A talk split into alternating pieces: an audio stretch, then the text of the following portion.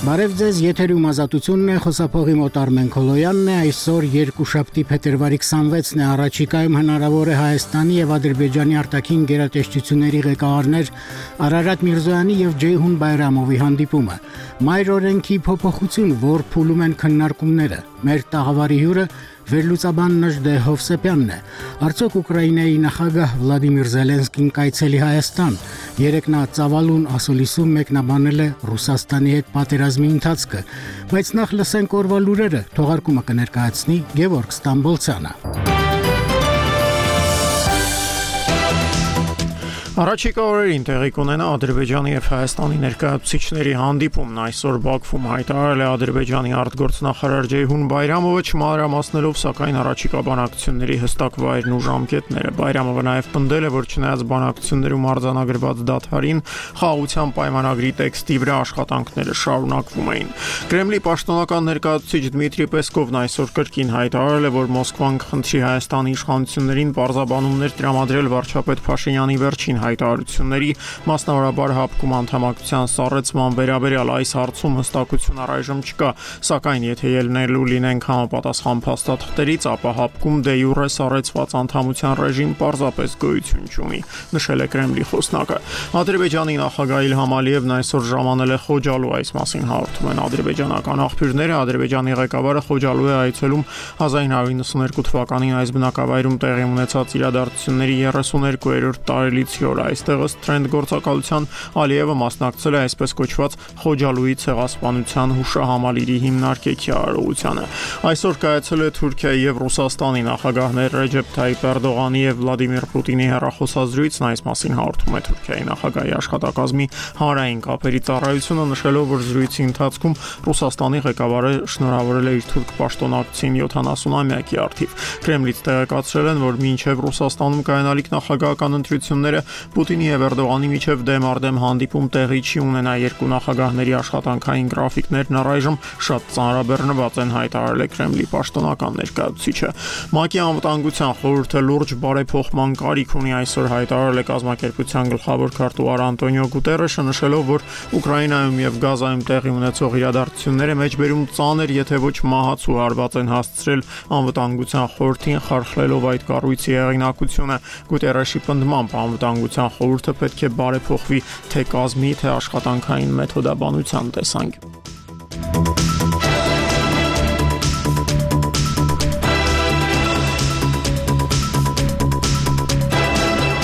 Շնորհակալություն Գևորգ, շարունակում ենք ծրագիրը։ Քավլիցի քննադատություն թող չդիտվի։ Պարզապես կա մի իրողություն։ Հաճախ հայոց լրատվամիջոցները Բաքվի աղբյուրներից են տեղեկանում հայ-ադրբեջանական հարաբերություններին առնչվող զարգացման մասին։ Գուցե հարևանները ավելի ակտիվ հարցակողական, տեղեկատվական քաղաքականություն են վարում։ Պաշտոնական Երևանը հաճախ է հայտնվում պատասխանողի, պարզաբանողի, նույնիսկ երբեմն արդարացողի դիրքում թե ինչու է չգիտենք մամուլի խնդիրն է ինֆորմացիա հաղորդել ահա մեկը ադրբեջանի արտաքին գործերի նախարարը հաղորդել է որ առաջիկայում նախատեսվում է իր հանդիպումը հայ պաշտոնակցի հետ Երևանից դեռ ոչ հաստատում ոչ երկում են լսենք Ռուզաննա Ստեփանյանի հաղորդումը Պաշտոնական Բաքվի փոխանցման բառաչիկայում տեղի կունենա Հայաստանի եւ Ադրբեջանի պատվիրակությունների հանդիպումը։ Ադրբեջանի արտգործնախարարը սակայն փակագծեր չի բացել, թե կոնկրետ որտեղ է կայանալու այդ հանդիպումը, ինչ ֆորմատով՝ երկկողմ թե միջնորդի մասնակցությամբ։ Պաշտոնական Երևանն առայժմ չի արձագանքել եւ չի հաստատել առաջիկա օրերին նախատեսվող հանդիպման փաստը։ Միջդեռ Ադրբեջանի արտաքին քաղաքական գերատեսչության ղեկավարն այսօր հիշեցրել է, որ Մյունխենյան համաժողովի ժամանակ Փաշինյան-Ալիև հանդիպումից հետո էր որոշում կայացվել վերսկսել խաղաղության գործընթացը։ Prosese start verilməsi barədə qərar verilmişdi və yaxın günlərdə Ermənistan Առաջիկա օրերին խաղաղության պայմանագրի շուրջ նախատեսվում են բանակցություններ հայաստանյան պատվիրակության հետ։ Ինչպես գիտեք, թեև խաղաղության պայմանագրի շուրջ բանակցություններ տեղի չէին ունենում, բայց տեքստի շուրջ քննարկումները շարունակվում էին։ Ջեյհուն Բայրամովը ընդգծել է, որ թեև վերջին 5 ամիսների ընթացքում որևէ պայմանավորվածություն ձեռք չի բերվել, սակայն Հայաստանի հետ սահմանին խաղաղություններ եւ անդոր։ Ընդ որում, առանց անուններ տալու Բայրամովը մեղադրել է որոշ շրջանակների լարվածություն հրահրելու համար։ Azərbaycan öz ərazi bütövlüyünün Անցած 5 ամիսները եղել են ամենահանգիստ շրջանը Ադրբեջանի եւ Հայաստանի պայմանական սահմանին։ Երբ մենք դիտարկենք այդ ժամանակահատվածը, ապա կտեսնենք, որ որոշ շրջանակներ անհանգստացած են այդ հանգամանքով եւ անում են հնարավորը իրավիճակը փոխելու եւ լարվածություն առաջացնելու համար։ Միաժամանակ Ադրբեջանի արտգործնախարարը քննադատել է Եվրամիությանը եւ Ֆրանսիային նրանց մեղադրելով իրավիճակը ապակայունացնելու մեջ։ Բայրամովը մասնավորապես ասել է, որ Եվրամիության առաքելության գործողությունները սահմանին արևմտյան տարբեր դիվանագետների ժամանումը սահման, երբ լարվածություն չկա, հանգեցնում է նրան, որ հարցն անընդհատ օրակարգում է եւ ներկայացվում է որպես լարվածություն։ Ինչ վերաբերում է Փարիզին, ապա ըստ Բաքվի կատարված դրական քայլերի ֆոնին Ֆրանսիայի ակտիվացումը սրում է իրավիճակը։ Բայրամովը որպես օրինակ մատնանշել է նաև Ֆրանսիայի պաշտպանության նախարարի այցը Հայաստան։ Հəm Fransanın təhlük edici Շոլցի նախաձեռնած հանդիպումից հետո ընդգծվեց եւ համաձայնեցվեց խաղաղ գործընթացի զարգացման կարեւորությունը, բայց սրանից անմիջապես հետո եղավ Ֆրանսիայի նախագահի հայտարարությունը, հետո Ֆրանսիայի պաշտպանության նախարարի այցը Հայաստան ու նրա սադրիչ հայտարարությունները։ Բայրամովը չի մանրամասնել, թե Ֆրանսիայի նախարարի որ հայտարարությունն է համարում սադրիչ, Սեբաստիան Լեկորնյուն Երևանում խոսելով հայ-ֆրանսիական ռազմատեխնիկական համագործակցության մասին ասել էր, որ Ֆրանսիայի մատակարարած սպառազինությունը բացառապես պաշտպանական է եւ այն բնականաբար չի կիրառվի, եթե Հայաստանի վրա հարձակում չլինի։ Սահմանադրության հնարավոր փոփոխության առանցքային հանգամանքը հողումն է անկախության հռչակագրին։ Այն կպահպանվի թե ոչ։ 1990-ի օգոստոսի 23-ին Գերագույն խորհրդում ընդունված հռչակագիրը հարևանների կողմից ընկալվում է որպես ոտնձգություն տարածքային ամբողջականությանը։ Դրան ներածական բաժնում հիշատակվում է 1989 թվականի դեկտեմբերի 1-ի հայկական ԽՍՀ եւ Լեռնային Ղարաբաղի վերամիավորման որոշումը, իսկ թիվ 11 հոդվածում նշվում է 1915-ին Օսմանյան Թուրքիայում եւ Արևմտյան Հայաստանում հայոց ցեղասպանության միջազգային ճանաչմանը սատար կանգնելու մասին։ Ինչ աշխատանք է այս ընթացքում կատարել համանadrական հանձնաժողովը։ Դրա խորհուրդը ցանկանում է, որ քննարկումներին միանա նաեւ վարչապետը։ Լսենք Շողի Գալստյանի հաղորդումը։ Նոր սահմանադրություն ունենալու վարչապետ Նիկոլ Փաշինյանի հայտարարությունից ավելի քան 1 ամիս անց քաղաքացիական պայմանագրում դեռ որոշում չկա։ Արդյոք մայր օրենքի փոփոխությամբ երկրի գլխավոր իրավական փաստաթղթից կհանվի անկախության հռչակագրին հղումը։ Ազատությանն ասած իշխող ուժի падգամավոր սահմանադրական փոփոխությունների խորհրդի անդամ Արուսյակ Ջուլհակյանը։ Կուսակցությունը բարբերաբար են իստեր անցկացնում, բայց հենց սահմանադրության նախաբանը փոխելու հարց, ինչպես падգամավորն է վստահեցնում, անգամ չեն քննարկել։ Սահմանության փոփոխությունները, նոր սահմանության ընդունումը, դրան գտնվում են քաղաքական խորհրդի դաշտում համալրական փոփոխությունների խորհրդի դաշտում։ Ինչ վերաբերում է նրան, թե ինչու կուսակցությունը վերջնական որոշում չի կայացրել, որտեղ այս պայմանությամբ դեռ վերջնական քննարկում չի ունեցել, ասենք, բայց པարզ է, որ վարչապետի դիրքորոշումը դա է, հա, ասենք, բայց ոչ թե վարչապետը ասում է, սա պետք է արվի, ինքը ասում է, ես այստեղ տեսնում եմ ռիսկ։ Այսինքն դաշտ է բացվում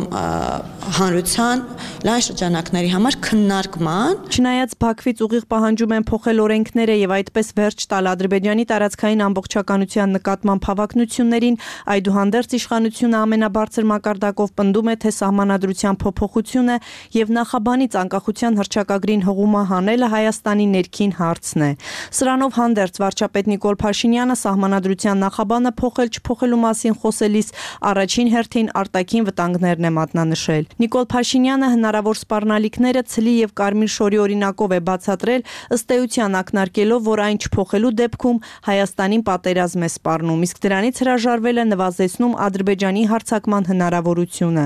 Իշխանական падգամավորն ասում է, այժմ հանրությունն ու քաղաքական դաշտը պետք է որոշի, իրենք էլ են ռիսկ տեսնում, թե ոչ։ Վարչապետը, երբ ինչ որ մի թեմայի շուրջ խոսում է, մենք միշտ պետք է դրան նայենք, որպես բացված թեմա, որի շուրջ պետք է հանրությունը ունենա քննարկումներ եւ ես կարծում եմ, որ այդ թեման հիմա բացված է եւ հիմա մենք այդ քննարկումները տեսնում ենք տարբեր մակարդակներում, այլ հարց է, որ որոշակի շահարկումներով է այդ քննարկում այդ քննարկումը ուղեկցվում, դա այլ հարց է, բայց ես կարծում եմ, որ սա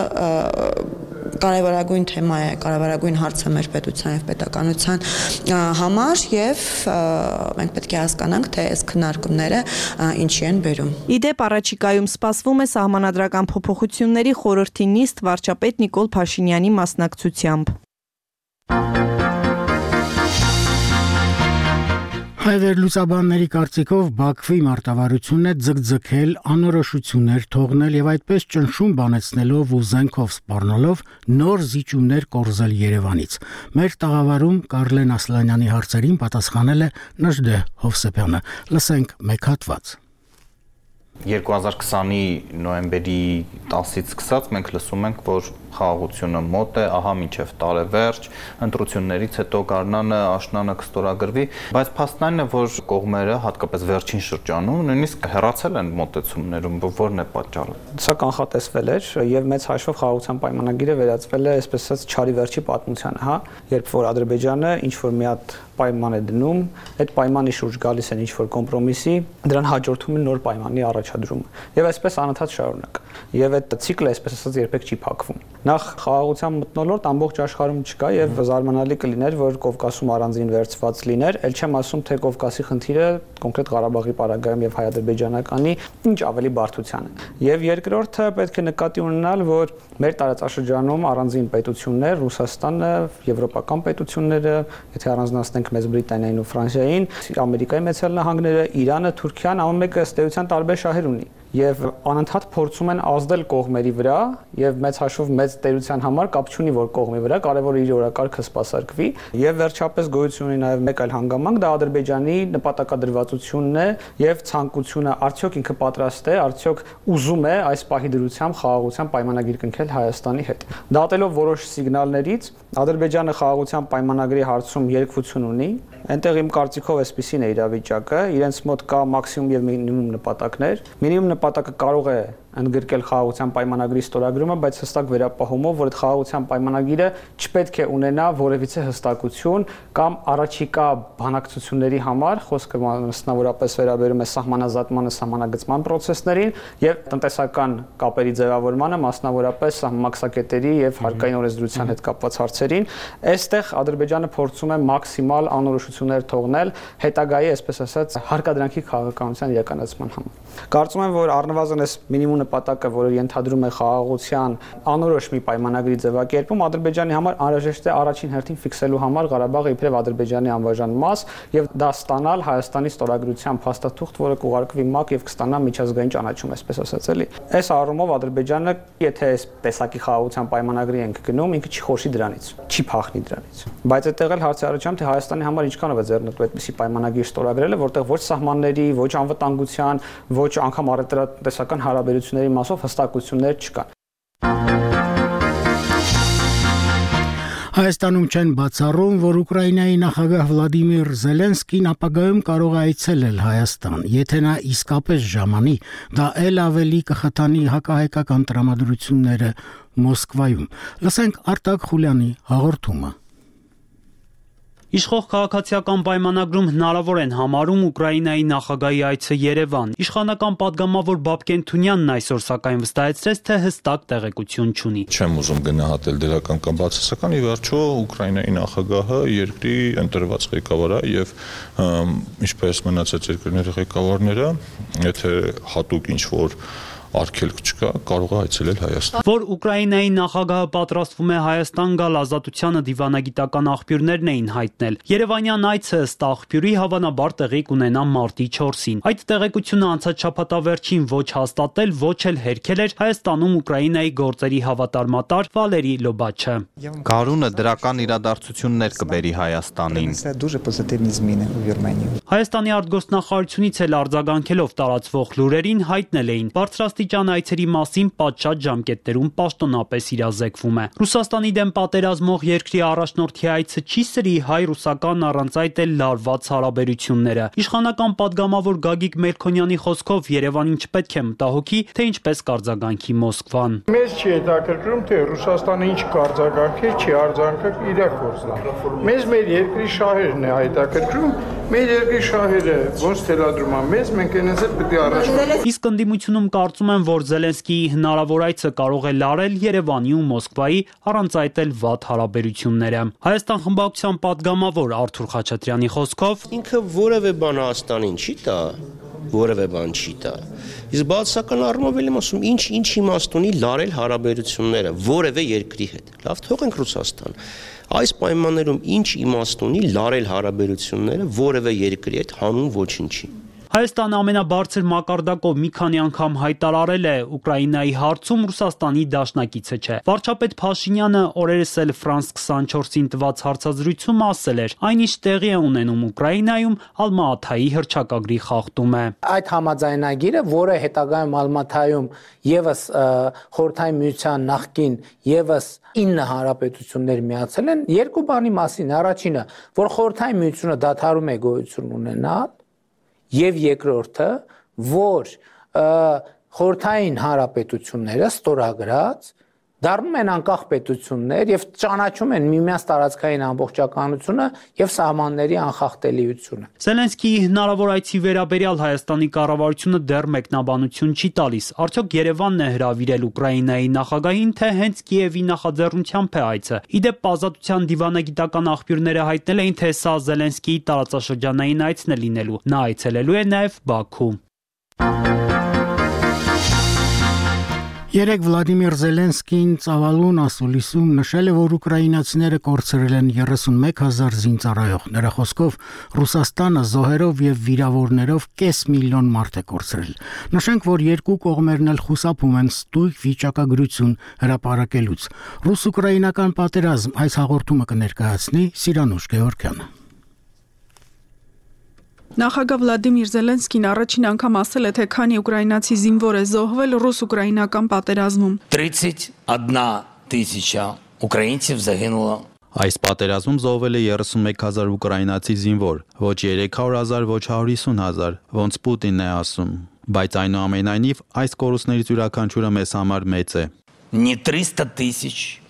не 150 тысяч, что там бреше Путин со своим... Русական կողմը Զելենսկի պնդմամբ կորցրել է 180 հազար զինվոր։ Я не знаю, скільки без вести зниклих у них, Չգիտեմ թե քանի զո եւ անհետ կորած ունեն նրանք, բայց ես գիտեմ, որ դա մինչև կես միլիոն է վիրավորների հետ միասին։ Չեմ պատրաստում մեր կոմի վիրավորների թիվը ասել, քանի որ Ռուսաստանը կիմանա, թե քանի մարդ է լքել առաջնագիծը։ До 500 сумі з пораненими. Ռուսաստանը չի հրապարակում իր պատերազմական կորուստները։ Նոեմբերին ՆԱՏՕ-ի գլխավոր քարտուղարը Ռուսաստանի կորուստները գնահատել էր 300.000։ Մինչ այդ Կիևը Ռուսաստանին մեղադրում է պատերազմական նոր հանցագործության համար։ Հանգստյան օրերին ռուսական ու ուկրաինական Telegram ալիքներում տարածվել էր մի տեսանյութ, որում մի խումբ ենթադրաբար ռուս զինվորներ մոտ տարածությունից կրակ են բացում գերեվարված ուկրաինացի զինվորների վրա։ Անօթաչու թռչող սարքի կադրերից երևում է, որ մինչ կրակելը զինվորները ձեռքերը վեր են բարձրացնում ու պարկում ücret. Ուկրաինայի Գերագույն Ռադայի մարդու իրավունքների հանձնակատար Դմիտրի Լուբինեցը հայտարարել է, որ միջադեպը տեղի է ունեցել շաբաթ օրը փետրվարի 24-ին Բախմուտի շրջանում։ Սպանվածները Ուկրաինայի զինված ուժերի առնվազն 7 զինծառայողներ են։ Օմբուդսմենը կատարված ռազմական հանցագործություն է որակել։ Ռուսական կողմն այս տեղեկությունը չի մեկնաբանել։ Շաբաթ օրը լրացավ ռուսական լայնածավալ ագրեսիայի